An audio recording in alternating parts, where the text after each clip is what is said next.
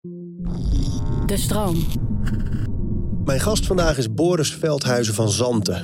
Tech-ondernemer, avonturier mag je hem toch ook wel eh, noemen. Oprichter van The Next Web. Ehm, maar bovenal iemand die een leven lang zijn eigen koers heeft gevolgd. En soms echt volledig tegen de norm in is gegaan.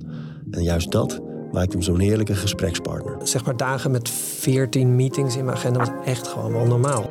Wat is een mens zonder houvast in zijn manier van leven? En ieder heeft een handvat en eigen rituelen. Orde in je hoofd zodat alles te overzien is. We praten over routines. Ik vind het altijd fijn om dingen op een andere manier te bekijken. En, om, en, en soms als je even de context verandert, dan, dan zie je dat opeens. En dan denk je opeens, oh wauw, ik zie dit al altijd op een bepaalde manier. En nu opeens op een andere manier. We praten over routines. Jij bent de gast, dus als jij geen haast hebt, heb ik het ook niet. Nee, nee. Mijn volgende belangrijke afspraak is... eh, ik was ah, jarig twee weken geleden. En ik weet niet of je dat weet. Dus belangrijke informatie. Als je jarig bent, krijg je een gratis tompoes bij de HEMA. Ik zag, ik zag een Instagram-post daar. Ja. Dus, eh, en ik heb hem nog niet opgehaald. Dus ik ga vanmiddag met een vriendin gaan we eventjes de, gaan we de gratis tompoes Oh, dan was het een oude post. Dan doe je dat elk jaar. Ik doe dat ieder jaar. ja. nou, sinds ik het ontdekt heb, vind ik het zo grappige, grappig Maar hoe om weet daar je van te maken. Ik denk dat ik de HEMA-app heb geïnstalleerd. Toen ik daar een keertje iets kocht. En dat ze zei, wil je niet eh, een kortingkaart? Ik, ik weet niet hoe dat ging. Maar in ieder geval, ik heb de HEMA-app. En dan krijg je, ik denk op je verjaardag, een mailtje of een push notification met gratis tompoes. Ja. Iedereen die dat heeft. Ja, dat denk ik wel, ja. ja nee, en ik moest het nu opzoeken, want opeens dacht ik, hé, ik kreeg toch die, kreeg toch die Tom Poes. En toen was de app natuurlijk niet geïnstalleerd, want ik had een nieuwe telefoon. En toen heb ik hem weer geïnstalleerd, kon ik hem nergens vinden. En toen uiteindelijk dacht ik, vraag het even aan de helpdesk. En dat wordt dan zo'n soort pad, want dan zit je opeens een soort half uur. Een Tom Poes kost 1,70 euro. Dus is echt half uur met zo iemand aan. En ik weet ook niet wat er is gebeurd, maar ik ga het met de technische dienst overleggen. En die hebben toen een uur later mij de tompoes weer teruggeschonken. Dus ik, die tompoes wacht op mij. Ja. En die ga je nu straks halen. Na straks deze halen. opname. Ja, ja, ja. het is heel kinderachtig, maar ja, het is wel een grappig uitje. Hè? Dat je denkt, oh, de tompoes halen bij de HEMA. Ja. Ben je van de tradities wat dat betreft? Ja, een beetje wel, ja, ja. Ik vind het ook heel fijn om eh, terug te gaan naar dezelfde bars of restaurants. Ook op vakantie. Eh, vind ik, vind ik, ik vind het ook leuk om op vakantie zelfs naar dezelfde plek te gaan. Hoewel ik ook heel avontuurlijk ben. Vind ik toch ook ergens binnenkomen en dat ze zeggen... hey Boris, wil je je vaste ding? Vind ik ook echt heel aantrekkelijk. Waarom? Ehm jeetje. Het is een combinatie van factoren natuurlijk. Maar ik heb ooit een boek gelezen, Never Eat Alone. Oh ja. Even, ja. ja. Ontzettend leuk boek over van, een- van een meester netwerker. En die geeft dat ook als een van de tips. Dus die zegt, als je nou vaak naar hetzelfde restaurant gaat... en je maakt dus een complimentje aan het personeel... zodat ze je onthouden. En je, misschien leer je zelfs de eigenaar kennen. En als je dan een keertje een vriend- of zakenrelatie meeneemt naar zo'n restaurant... en iedereen is aardig tegen je... en je wordt ontvangen als een, als een beroemdheid... of een gerespecteerd lid in ieder geval... nou, dan, dan straalt dat ook goed af op de... Dus misschien is het wel heel berekenend, mijn eh, behoefte, aan herkenning en eh, traditie. Ja, het heeft ook iets te maken met. Ik weet nog dat wij elkaar voor het eerst ontmoetten. Toen presenteerde ik nog eh, Goedemorgen Nederland bij de KRO. En altijd als er een nieuw Apple-product op de markt kwam, werd Boris Veldhuizen van Zanten gebeld. ehm, om daarover te vertellen. Ja, Ehm, en ik weet nog dat je binnenkwam e- echt gekleed als een dandy. Eh, in pak. ja, helemaal in pak, prachtig kostuum, mooie, Ja. mooie schoenen. Haar zo slik achterover, zoals je nu ook nog steeds draait. En dat ik, ik vond jou echt een fenomeen, alleen al om te zien. Maar daar past ook deze anekdote weer bij. Dat er hangt om jou heen iets heel klassieks. Hm. Dus met zo'n restaurant en dan de, de sociale kant daarvan en de etiketten. En inderdaad zo dat je dat in een netwerk dan ook weer in kunt zetten. Maar dat dat niet de reden is, maar een prettig gevolg. Prettig bij, eh, ja, zeker. Ja. ja. dat klassieke. Ik vond pakken inderdaad altijd aantrekkelijk. Maar ik denk dat het meer dan cosmetisch was, die pakken. Dus ik, ik was... Ik ben op mijn vijftiende van school gegaan, en dat weet, dat weet je, naar de circusschool gegaan, daarna naar de kunstacademie. Naar de circusschool. circusschool. Ja. Ja. En toen ik op de kunstacademie kwam, ik denk dat ik me redelijk alternatief kleden. En toen kwam ik daar en toen zag ik opeens van, oh, dat doet iedereen hier. En er is zelfs een groep die dat daarvoor niet deed, maar nu opeens wel doet, omdat ze denken, oeh, dat hoort erbij. En toen dacht ik, eh, dat voelt weer een beetje een soort goed, goedkoop of zo. En toen dacht ik, oké, dan ga ik helemaal de andere kant op. Dus toen heb ik een driedelig pak gekocht. En vanaf dat moment ben ik, was ik altijd in pak op de academie. Eigenlijk juist om het tegenovergestelde van dat voor de hand liggende te doen. En dat is wel blijven hangen. Vertel eens over die circusschool. Dus je zit, op, je zit gewoon op school, zoals alle 14, 15-jarigen. Ja, niet echt. Nee, ik zat. Ik, ehm, Oké, dus dat, mijn grap was dat ik, ik, was dyslectisch. En ik had slechte ogen. En beide zijn vrij laat ontdekt. Dus mijn grap was altijd. Ik kon in de klas dus het bord niet lezen. Als ik wel het bord kon lezen, kon ik nog steeds het bord niet lezen. Ik was eigenlijk gewoon dubbel gehandicapt. Ehm, en toch ook wel een beetje anders dan anderen. Dus ik, ik had echt wel veel moeite op school. En ik had al heel veel scholen gedaan totdat ik op mijn vijftiende, denk ik, op een school zat. En opeens realiseerde, ik heb zo moeite met school. En dit gaat nog zo lang duren. Het wordt zo'n lijdensweg. En toen las ik bij de kapper in een Viva uh, over de cirkschool. En dacht ik, dat is het. Want ik kon al een beetje jong leren. En ehm, ik reed op een eenwieler al, dat, vond ik allemaal leuk. En ik wilde eigenlijk naar de kunstacademie, maar daar was ik te jong voor. En de cirkschool kon wel al. Dus toen, ja, toen heb ik me daar aangemeld en ben dat, ben dat gaan doen. En dus niet met het idee, ik ga later in het circus. Maar zo achteraf gezien denk ik dat het een hele goede vooropleiding was voor alles wat ik daarna ging doen. Want wat kwam je daar tegen? Nou, veel drama. Dus de circuschool was echt een dramatische, met een, met een soort dictatuur van een, uh, ja, een soort dictatuur met uh, als dictator de Joe Andy, uh, heette die man. Dus een beetje een dikke oude circusman met, met oude ideeën over hoe alles moest. En hij, hij ja, met een ijzeren hand bestierde hij die circuschool. En ik weet nog de eerste keer dat ik van school werd gestuurd daar ik had niet eens iets bijzonders gedaan, maar gewoon net even zijn verkeerde kant uh, iets uh, geraakt. En, en mijn wereld stortte in, want ik was van school gegaan. Dus was ik ook, en ik dacht, ja, ik, weet je, ik heb niks anders dan dit. Toen ouders smeken of ik weer terug mocht. Dus mocht ik weer terug. En de vijfde keer dat ik van school werd gestuurd, dacht ik, oh ja, dat is gewoon zijn manier van, van discipline bijbrengen. Maar het was uh, ja, een zware leerschool. Je, je, acht uur per dag was je trainen. Dat is heel fysiek. En heel weinig met begeleiding. Dus de andere studenten hielpen je een beetje. Je kreeg af en toe filmpjes van technieken van andere mensen. En dan hebben we het uh, over acrobatiek, clowns. Nou, ik was echt jongleur. Dus ik, ah. het enige wat ik deed was jongleren. En dan deden we met z'n allen nog een beetje wat andere dingen, erbij. Ik reed wel op een eenwieler en daar deed ik wat dingen mee. Dus uh, jongleren is niet alleen maar drie, vijf of zeven balletjes jongleren. Het is ook, hè, dus met drie balletjes had ik een soort 150 verschillende trucjes. En ik had een soort act daar omheen. En, en een soort een heel repertoire, een soort show van een kwartier met, met grapjes en trucjes met, met balletjes. Leuk man. Ja, het heel, ik moet er zelf ook om lachen hoor. maar dat kan dus gewoon ook. Historie. Dat is dus dan wel een officiële school. Dus je, je nou, komt niet in, ieder geval, in, de, ja. problemen met de wet. Oh, jawel. Ja, ja. Oh. ja nee, dat, dat, dat is ook is heel grappig. Ja, ja nou, dat, dus ik, toen was leerplicht tot 16. En ik was 15 toen ik van school ging. En ik weet nog dat dat dat ter sprake kwam. En toen was er iemand op een ministerie die, ik denk mijn moeder of vader aan de telefoon kreeg. En die zei, oké, ja, je hoort dit niet officieel, maar het duurt een jaar voordat ze erachter komen dat je kind niet meer op school zit. En dat duurt er nog een jaar voordat ze echt actie kunnen ondernemen. En dan is hij eigenlijk al 16. Dus als ik jou, jullie was, zou ik gewoon niks zeggen.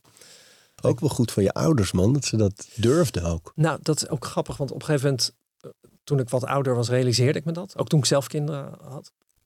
En toen zei ik tegen mijn ouders, eigenlijk wel bijzonder dat jullie daar zo ja, ontspannen mee omgingen. En toen zeiden zij, nee, het is echt de omgekeerde wereld. Uh, als je kind zich op een dag realiseert, dit is wat ik wil en dit is wat ik niet wil, en daar zo van overtuigd is, dat is zo'n opluchting voor ouders.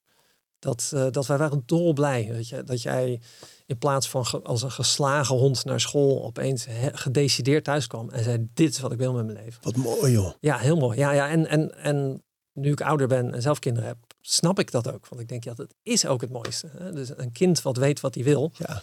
Wat, en, en over alles. Hè? Dus een kind, als je vraagt wat wil je eten vanavond, te zeggen wat ik graag wil.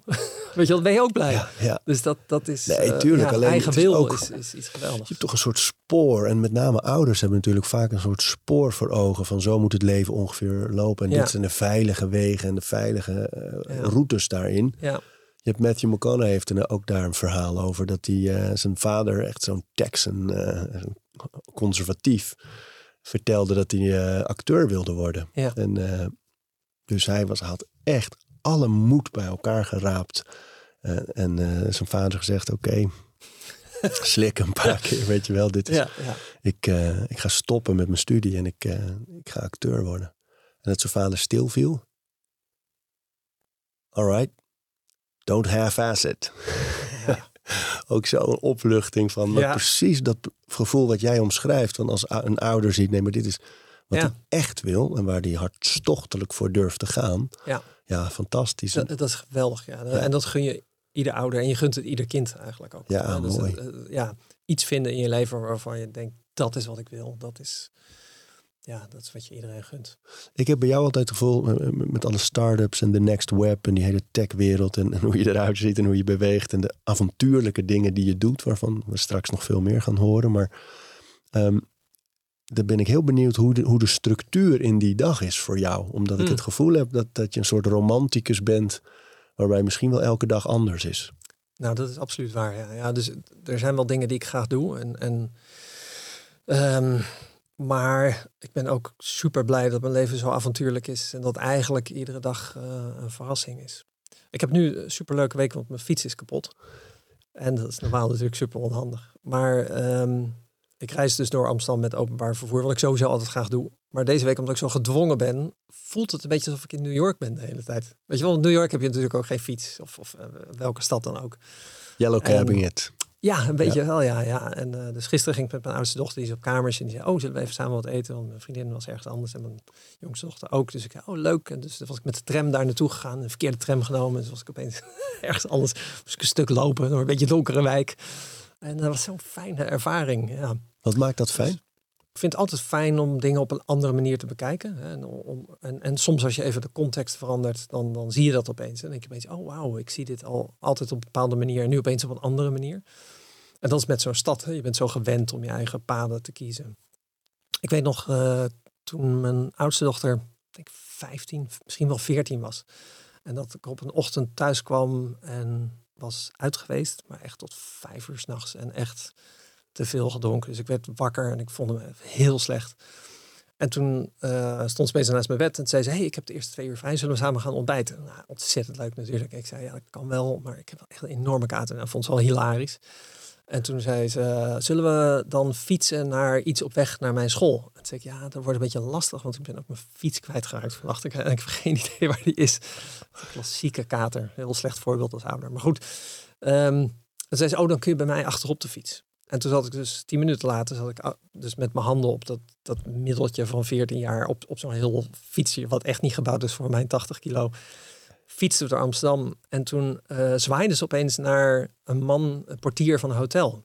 En ik zo, wie is dat? Ze zei, oh ja, dat is Bart. En ik had een keer lekker band, dus had hij hem voor me opgepompt. En nu kennen we elkaar. En toen 500 meter eh fietsen langs de hoeren, dus die ruiten. En toen zwaaide ze naar een soort blonde vrouw in het raam, dat ik natuurlijk eerst dacht dat het naar mij was, maar dat was, ja, was dus, ze, ja, dat is Maria of zo. En toen eh, zei ik van, hé, maar hoe fiets, fiets je nou altijd zo? Want dat is toch sneller? En ze zei, nee joh, dit is veel sneller. En opeens realiseerde ik me, oh wauw, ik heb mijn Amsterdam, maar zij heeft haar Amsterdam. En dat is anders dan mijn Amsterdam. Ze heeft haar eigen netwerk. Vond ik ook zo'n mooi moment. Dat, Ja, dat je dan opeens weer anders naar je eigen stad kijkt. En je realiseert, ja, je hebt je eigen paden en daar, hè, daar slijt je in. Eh, maar op zo'n moment, als je daar dan heel eventjes uit, uitkomt, dat is eigenlijk weer mooi. Het is weer een nieuw avontuur. Ja. Mijn jongste dochter werd pas 18. Toen zei een vriend van mij, zei, oh, dan ben je klaar. Dus het is geslaagd. En toen zei ik, "Hal- wa- wacht, ho. Kijk, het is een belangrijke milestone. Dat, dat, dat- en ik vier hem. Maar jeetje, mijn moeder maakt zich nog steeds zorgen over. wel. Ja, natuurlijk, dat gaat nooit over. Ja. Hey, en het begin van jouw dag, doorgaans? Ja, ik word steeds vroeger wakker. Eh, dat heeft ook met kinderen te maken en regelmaat. Eh, ik ga graag naar de gym even. S ochtends ben probeer wel eh, gezond te leven. En ehm, ik ben natuurlijk sinds een jaar niet meer de CEO van mijn eigen bedrijf. Hè. Dat, dat heb je ook meegekregen. Ja, ja. ja. ja, dus Meert is de nieuwe CEO en ik werk met haar.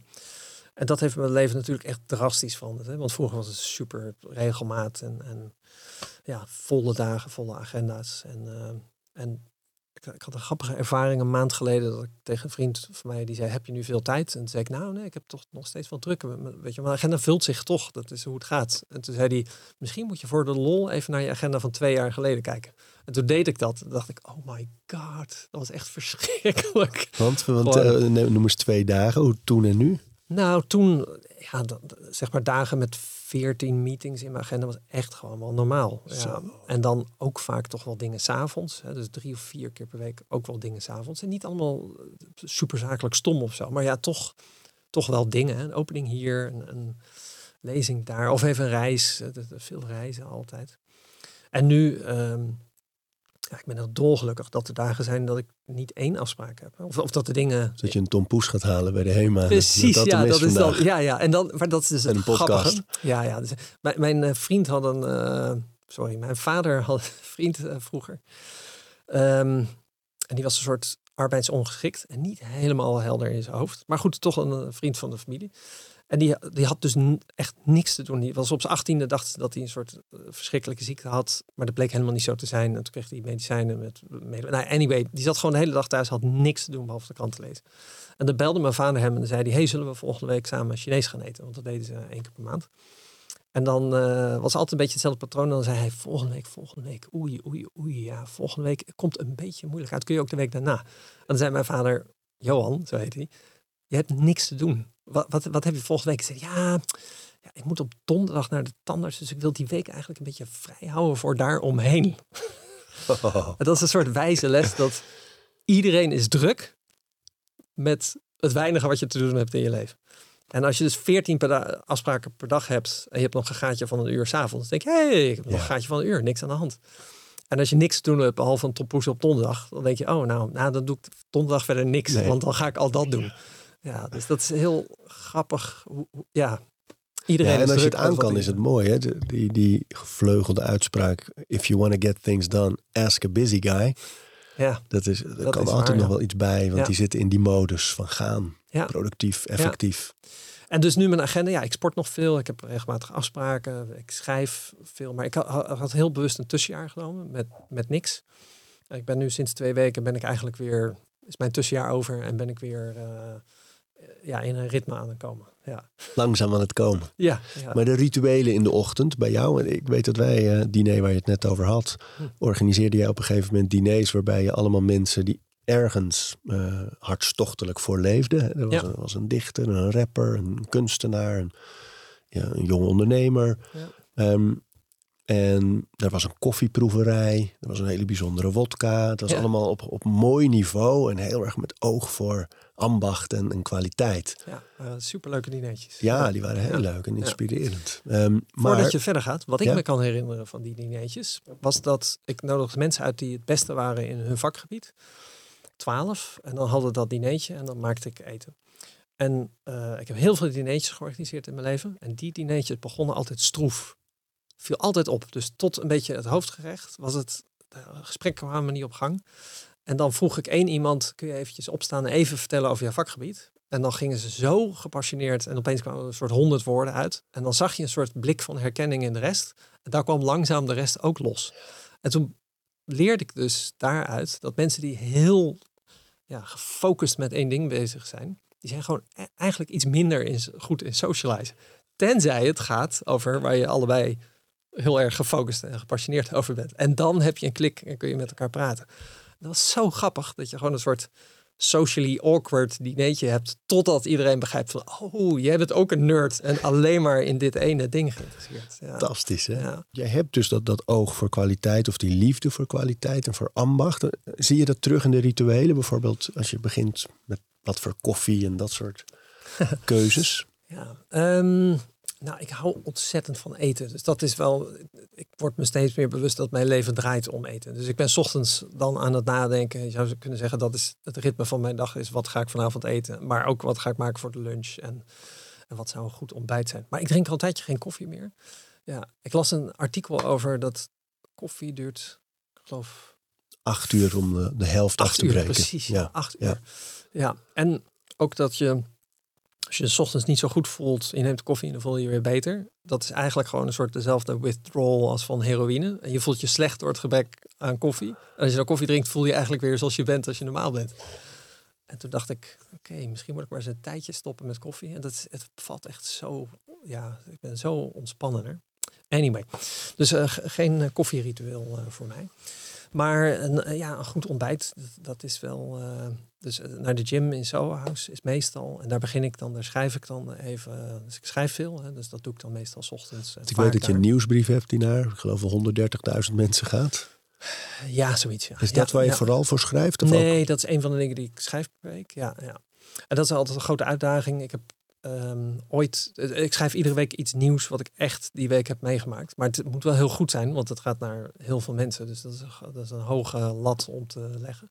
Maar daarnaast schrijf ik ook, uh, ik ben bezig met een, ik ben nu begonnen aan een boek, dus ik kan er weinig over vertellen. Maar ik ben aan het schrijven aan een boek. En uh, dat, dat, daar ga ik heel erg mijn tijd voor nemen. Maar ik dacht, ik vind het schrijven eigenlijk zo ontzettend leuk. Het zou fijn zijn om dat een tijdje te doen. Ja, leuk. en dat doe je daar? Dat doe ik daar, Na het trainen. Ach, nog. Is het nog voor ontbijt dus? Ja, voor ontbijt. Ja, ja. ja, dus eigenlijk brunch ik meer dan dat ik ontbijt. Ja, dus ik train voordat ik wat eet. Ja. ja. Bewust dus? Of... Ja, ja, ja, ja. Ja, ik ben een lange, dunne man.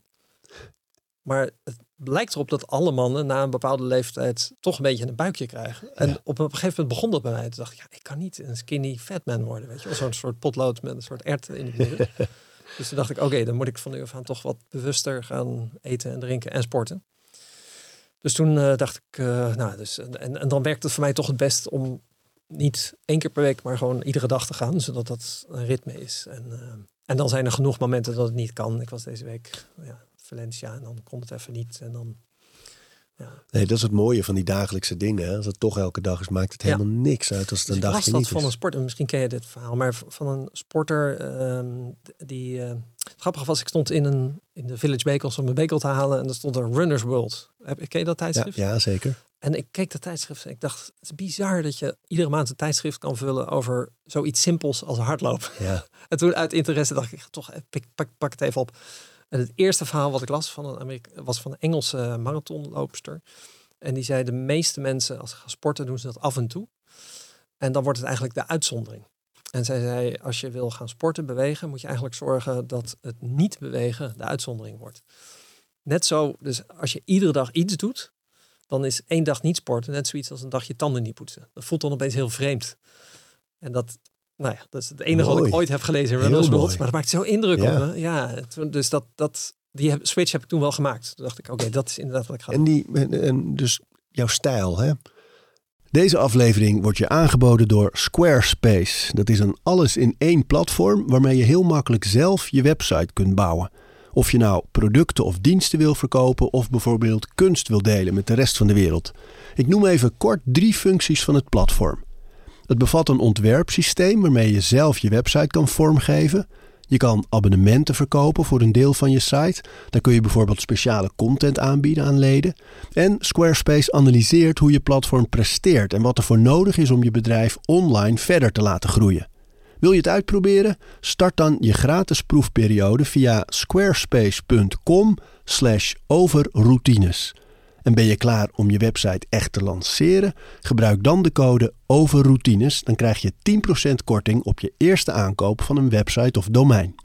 Dat klassieke. Hm. Van, ik vraag mezelf vaak af, omdat je haar altijd zo prachtig achterover zit. Ja. eh, eh, wat doe je daarin? Nou, leuk onderwerp. Ja. Ik eh, zit op een keerpunt in mijn leven. Want ik ben natuurlijk begonnen als kind met gel. Maar toen op een gegeven moment dacht ik, is eigenlijk niet goed voor je haar. En toen ontdekte ik Kiehl's. En Kiehl's, Oh ja. wat ooit alleen in Amerika te koop was, die hebben een crème voor je haar. En die is, ja, is geweldig. Eh, oatmeal zit erin en een beetje een soort kokos en, en ik geloof 60 ingrediënten. Heel fijn spul. Ik denk dat ik dat 15 jaar religieus heb gebruikt. En opeens werd het moeilijk verkrijgbaar.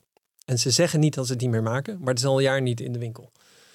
En toen was ik dus, eh, dat, dat het was heel impactvol natuurlijk eh, in het leven van zo iemand als ik, die Ja. heel gewend is om sommige dingen gewoon goed geregeld te hebben. Dus toen eh, heb ik een site gevonden, volgens mij heet het Mannenzaak, mannenzaak.nl, zoiets. En die hebben allemaal grooming products, vooral voor baarden en dat soort dingen. En daar, toen dacht ik, nou ja, misschien is er een merk wat crème maakt van iets anders. Toen heb ik vijf verschillende merken een potje van gekocht. En daar heb ik eentje van overgehouden. kan nu even niet op de naam komen. Maar het is een heel klein zilverachtig tubertje. Het ruikt heel lekker. Een beetje ook een soort zoetig... Uh, verschillende mensen al gehad die zeiden, uh, wat, wat ruik ik? Er ruikt iets heel lekker aan jou. Dus ik dacht, dus dat is mijn nieuwe Leuk. Ja, ja. Ik kan ook hier uren over praten. Ja, maar ik, dat vind ik dus ook zo leuk. Ik ben ook dol op dat soort. Zo heb je ook Lisa Witte. Dat is een alchemist. Uh, maar die heeft een website, Lisa Witte. Ik mag het van een vrouw eigenlijk nooit in het openbaar zeggen, want die is oh. bang dat iedereen erop duikt. En dat, het, dat het moeilijk verkrijgbaar gaat worden. Maar die maakt alles zelf. Die maakt hele lekkere body lotions, maar dan bijvoorbeeld met de geur burnt milk. Oh, of uh, ja. Uh, ja, met cardamom. En uh, dan ja. krijg je van die mooie donkerbruine flesjes met handgeschreven etiketjes en heerlijke Fijn, geuren. Ik, was, ik ben denk ik nu twee jaar bezig geweest met zoeken naar een goede parfum. Ja. En het begon zo dat ik, ik werk met een bankier uit Berlijn.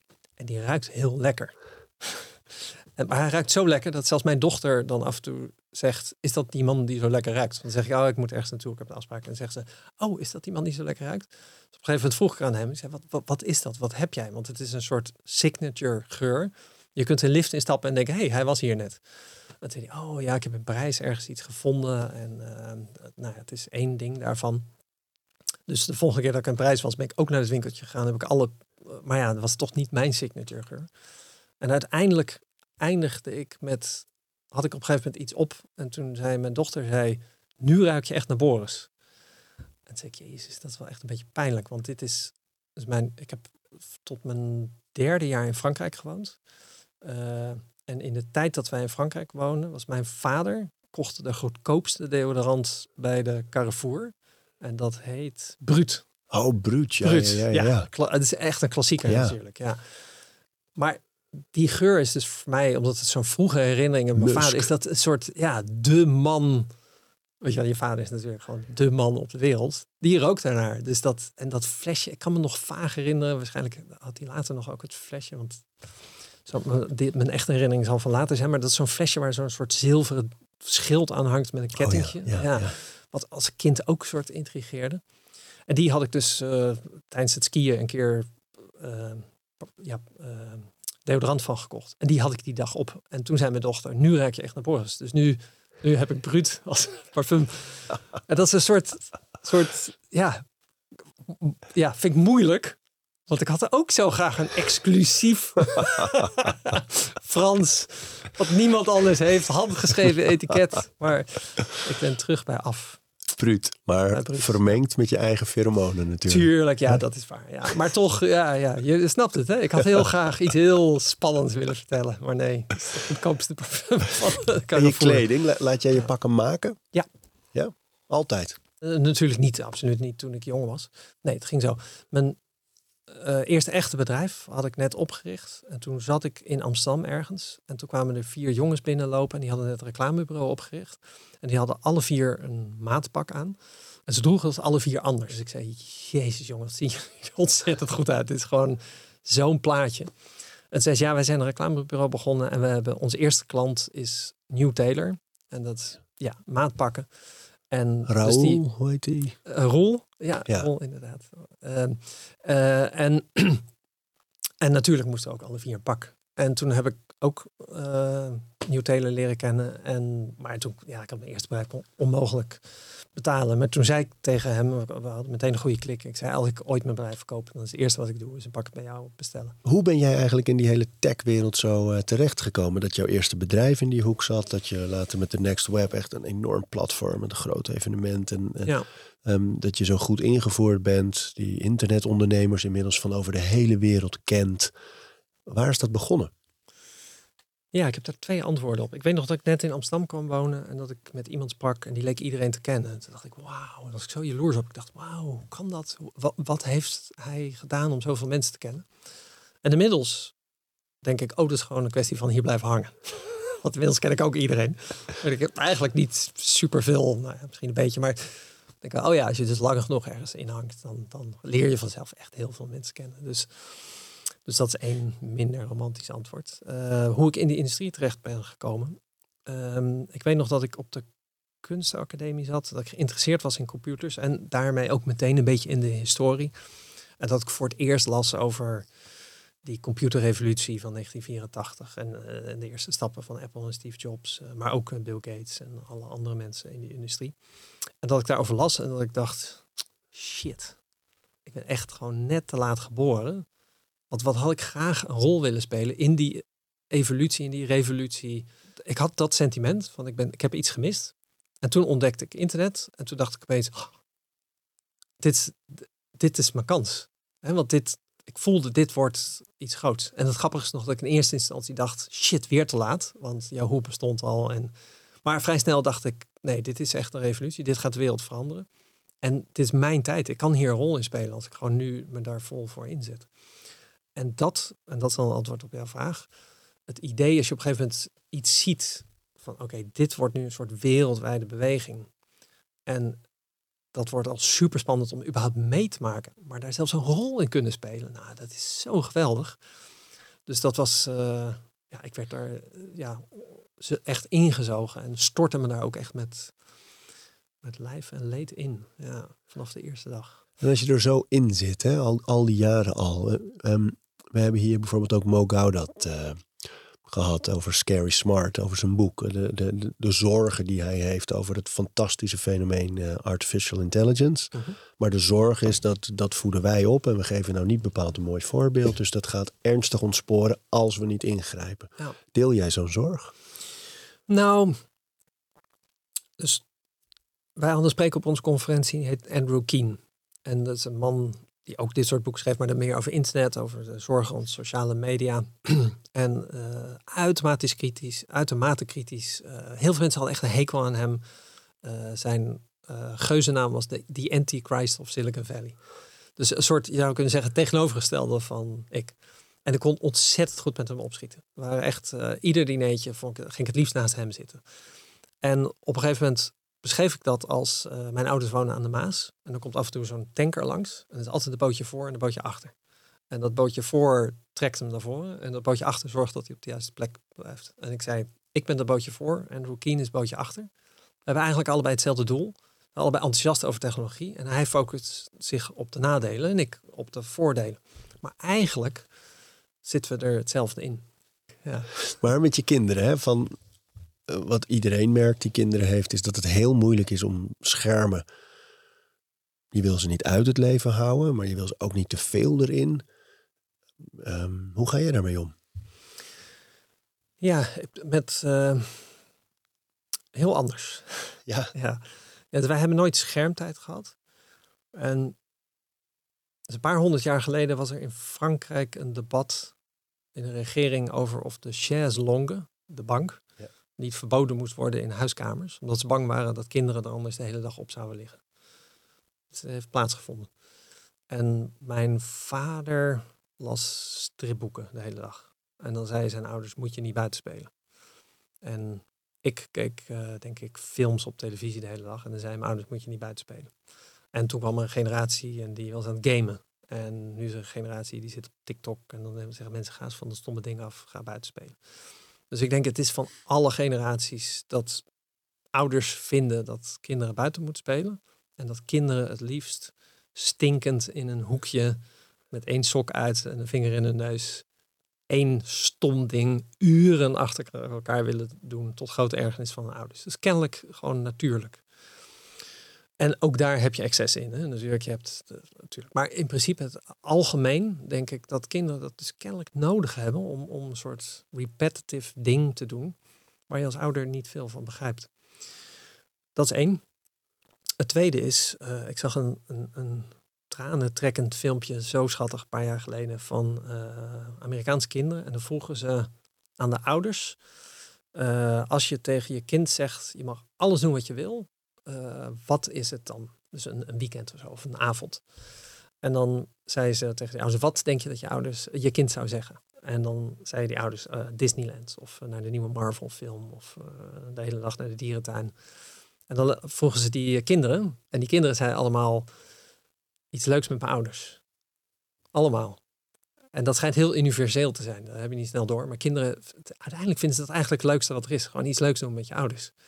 En ik denk heel veel ouders die tegen hun kind zeggen, hou eens op met dat op dat apparaat zitten. Die zijn of zelf op een apparaat bezig. Oh man, ja. Die bieden geen alternatief ook. Nee. Nee. Ik denk als je tegen je kind zegt, ben je lekker aan het gamen? Of heb je zin om samen naar het bos te gaan en bomen om te hakken? Ik denk dat 99% van de kinderen, ja, tenzij je echt midden in de game zit. Maar in principe, hè, als je die sfeer creëert, eh, creëert ja, eh, kweekt, ehm, dat kinderen vrij snel realiseren. Er is meer dan alleen die schermen. Maar het moet wel alternatief hebben. En dus, eh, eh, dus dat is, oké, dat is dan twee. Het derde is bij Jamin, als ze daar mensen aannemen, dan zeggen ze niet, je mag niet van de snoepjes eten. Ze zeggen, eet zoveel snoep als je wil. En na een week kunnen al die mensen die daar werken geen snoep meer zien en eten ze nooit meer snoep. dat is de strategie van Jamin. En dat is eigenlijk ook een beetje mijn ervaring met dus iedereen die schermtijd. Nou, het liefste wat je wil als je eenmaal schermtijd hebt, is meer schermtijd. Hè? Want je hebt er sowieso te weinig, want het is een restrictie. Alles wat niet mag van je ouders. Weet je, al, al die ouders die zeggen als je niet rookt tot je 18, dan krijg je een auto. Al die kinderen gaan roken, want dat is het enige waar ze denken. Niet roken, roken, roken. Dus eh, ja, ik heb gezegd, wil je de hele nacht op je computer? Sure, go ahead. Je gaat je wel zo ziek voelen morgen, maar doe het, doe het een nacht. Kijk, weet je wat, is, ervaar het een keer. En dan de volgende dag zijn ze een soort groen en, en eh, moesten ook op school kotsen. En dan eh, zijn ze ook daar vanaf. Dus dat is mijn strategie geweest. Dus veel alternatieven bieden. Niet het iets maken wat een soort demonisch, waardoor het eigenlijk alleen maar interessanter maakt. We hadden zelfs niet de regel geen devices aan tafel. Nee? Nee, ik had het omgekeerd. Dus ik zei, je mag prima je device aan tafel. Maar dan moet het wel echt interessant zijn voor ons allemaal. Dus als we aan tafel zitten en, en mijn dochter zegt, oh, ik heb zoiets interessants gezien. En ik zeg, nou ja, pak, zoek even een telefoon of een iPad en laat het ons allemaal zien. Dan kunnen we het over hebben tijdens het eten. Hè, als, als een kind eh, vroeg, eh, waarom moet ik mijn groente opeten? Dan zei ik, ja, ik weet ook niet. Ik geloof dat broccoli gezond is. Ik weet ook niet meer wat. Pak even, pak even een apparaat. Zoek het even op. Ja, en dan weten we het allemaal. En dan heb je een leuk gesprek. En kijk, dat is anders dan gewoon als sociaal in je eentje op je telefoon zitten. Wat ik zelf ook wel eens doe. Weet je wel, midden op het eten gaat een berichtje en denk ik, oh shit, dit is eigenlijk heel belangrijk. Of ik ben echt super geïnteresseerd in wat het berichtje is. Ja, doe ik zelf ook. En dan is het, vind ik het fijner als mijn kinderen zeggen, het is niet heel gezellig. Weet je wel? In plaats van, zit niet op dat stomme ding. Ja. Weet je wel? Ik vind het vervelend om dat apparaat de schuld te geven. Het is gewoon, het is mijn, is asociaal van mij. Ik vind hun niet interessant genoeg. Dat is het pijnlijke aan de situatie. Weet je dat apparaat vind ik, vind ik niet de schuldige in dit verhaal. Mooi hoor, om het zo te benaderen. Ja, wel Nou ja. moeilijk ook, omdat je hebt toch ook met afbakenen en, en grenzen zoeken. Kinderen in een bepaalde leeftijd die gewoon ook nog niet weten eh, soms. Maar ja, je moet, moet je mijn kinderen, wij waren pas uit eten. eh, en toen zei ik tegen mijn dochters, is er nou iets, eh, als je zo terugkijkt op je leven, want dat, ja, dat, wat verwijt je ons? Hè? Wat vind je nou echt, Oeh, echt mooi, rot ja, Ja. als je zo terugkijkt? Want je twijfelt er altijd over eh, als ouders. En toen eh, waren ze even samen gaan overleggen. en toen kwamen ze terug en toen zei ze, wat we echt strontvervelend vonden, was dat jij, is ik, mijn schuld, zei ze, dat je nooit zei dat iets niet mocht, maar dat je net zo lang praatte tot we het niet meer wilden. En, dat was zo vervelend, want alle andere ouders dan vroegen, en dan vroegen kinderen van 12, mogen we de hele nacht eh, opblijven om eh, whatever iets te zien op Amerikaanse tv. En zeiden die ouders nee. En ik zei dan, ja, ja, ja, kijk, ik ga niet zeggen dat niet mag. Maar realiseer je, de, weet je, hoe vervelend dat zou zijn als je dat zou doen. En zijn er niet alternatieven, weet je? Dus ik ging altijd, eh, ja, van, van jongs af aan, confronteerde ik ze eigenlijk met hun eigen verantwoordelijkheid. Ik zei, je moet dat zelf de verantwoordelijkheid voor nemen. En dat ze zeiden van ja, het is. Ze waardeerden het natuurlijk ook wel. Hè, want ze ja, het was ook. Ja, ze zijn ook heel verantwoordelijk. Het is geworden. eigenlijk kritiek in een, in, als compliment. Het was ook, ik was ook trots natuurlijk. Ja. Dus daarom vertel ik het nu ook. Al die andere dingen vertel ik niet. Maar, nee, maar ik dacht wel, ja, ik begreep het ook. Hè. Het is net zoals als je ouders zeggen, ik ben niet boos, maar teleurgesteld. Het is ook verschrikkelijk. Weet je, als eh, ik heb liever dat je gewoon boos bent. Maar, maar dit was, ja, ja, eigen verantwoordelijkheid geloof ik dus meer in. Wij kwamen elkaar van de zomer tegen ehm, in de buurt van Apkoude en Vinkenveen. En toen vertelde jij, ja, wij, wij wonen er, we hebben zo'n zo'n soort eilandje daar zo in de buurt van Vinkenveen. Ja. En eh, daar eten we die, eh, die zoetwaterkreeften. ja, klopt. En toen, toen stuurde jij mij een filmpje van een bak vol van die beesten. En Even voor alle mensen die nu meteen in de pen klimmen vanwege dierenleed. Nee, dat is echt een plaag hè, in Nederland. Ja, die is, klopt, eh. Met name in die omgeving. Ik ben dus officieel geregistreerd als stroper inmiddels. Dus dat is niet een Oh. strafblad, maar wel ook, ook niet heel fijn. Maar er kwam... Sommige mensen in Vinkveen eh, gebruiken een, een eh, val, heet zoiets? Ja, zo'n fuik. een fuik. En ik dacht, oh top, ik koop zo'n fuik. En die had ik daar hangen. Maar toen op een gegeven moment stond opeens politie op mijn eilandje. Dus ik kwam aanvaren. Ik dacht, hé, hey, zijn mensen op mijn eilandje. kwam ik dichtbij. Ik dacht, politie op mijn eilandje. En toen zei ze, ja, we zijn al vijf weken aan het observeren. Want eh, ja, je bent aan het stropen. Want als je fuik gebruikt, heet stropen. En eh, dus je moet eigenlijk voorkomen voor de officier van justitie. Maar er is een soort loophole in de wet dat als je vrijwillig je fuik aan ons aflevert, hoeven we je alleen maar te registreren als stroper, maar dan hoef je niet voor te komen. Dus ik zei, oh, dan wil ik graag hierbij mijn fuik inleveren bij jullie. Ze zei, dat dacht wel. Dus ik ben officieel stroper. Maar toen zei ik wel, goh, maar wel jammer, want het is een plaag. Ik doe toch iedereen een plezier door die beesten te vangen. Ze zei, ja, maar fuik mag gewoon niet, dat is stropen. Maar waarom eh, ga je niet snorkelen? Dan vang je ze met Dat snorken. zei de politie. Ja, ja.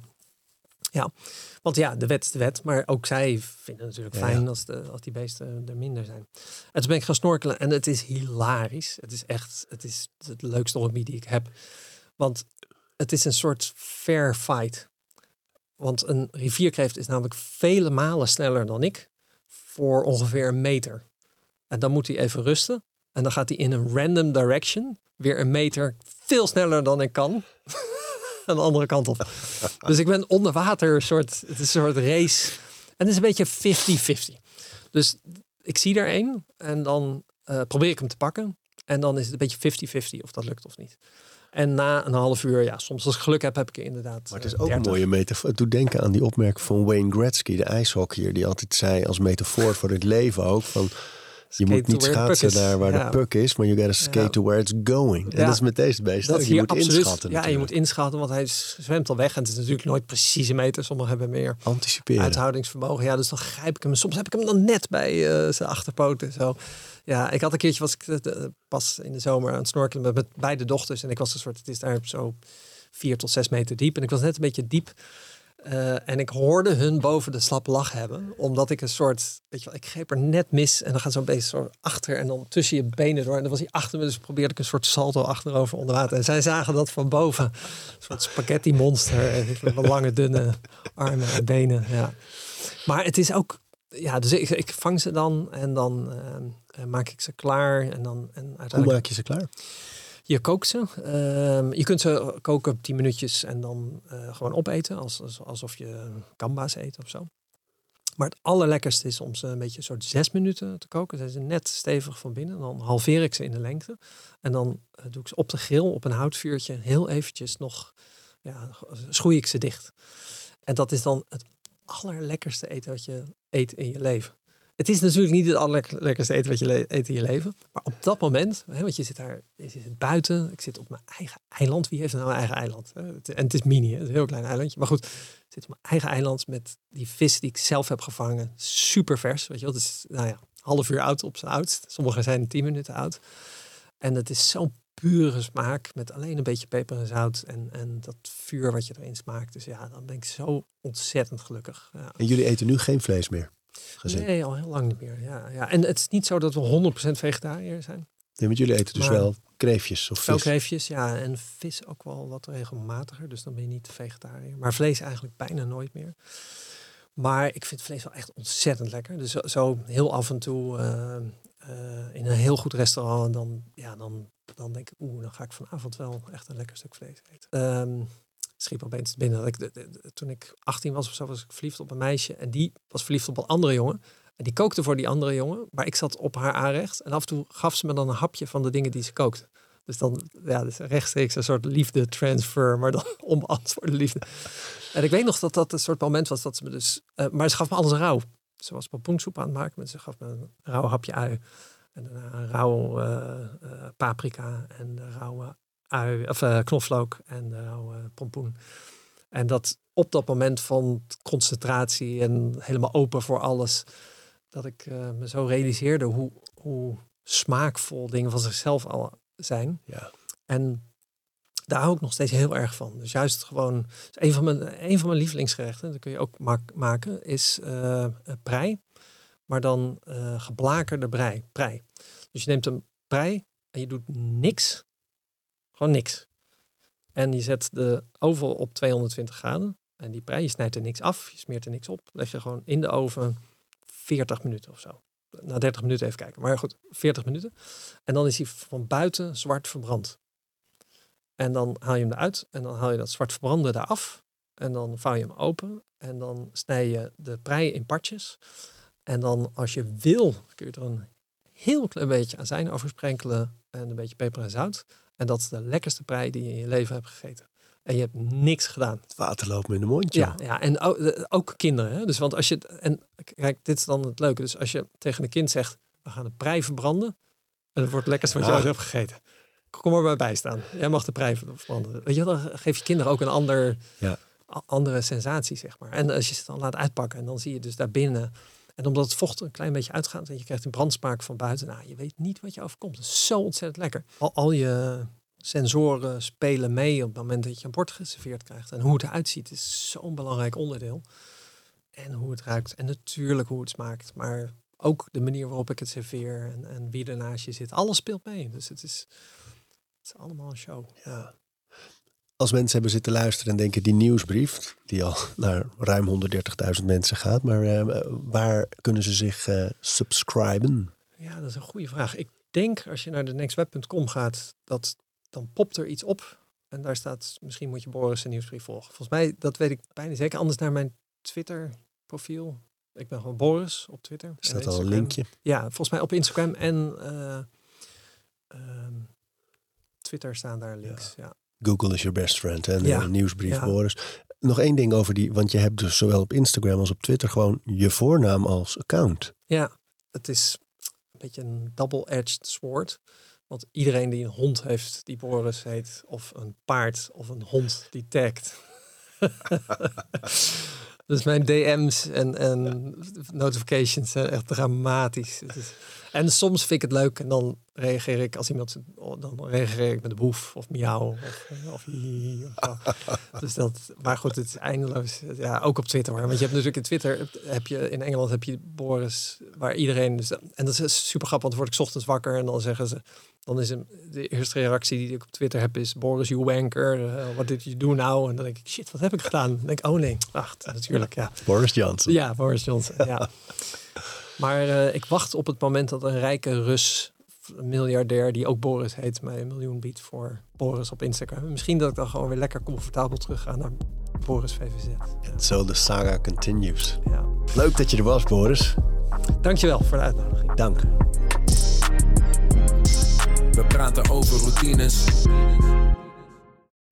Dankjewel voor het luisteren. En voordat je weer doorgaat naar andere dingen, wil ik je nog even wijzen op Over Inspiratie. Dat is het mailtje dat ik elke donderdag rondstuur met drie tips. Dingen waar ik zelf veel aan gehad heb. Kunnen producten zijn, artikelen die ik gevonden heb online, onderzoeken, eh, Instagram-accounts, podcasts, boeken, van alles eigenlijk. En ik denk dat je daar zelf ook veel aan kunt hebben. Dus vind je het leuk om dat mailtje elke week te ontvangen? Dan kun je je opgeven op ariboomsma.nl onderaan de pagina.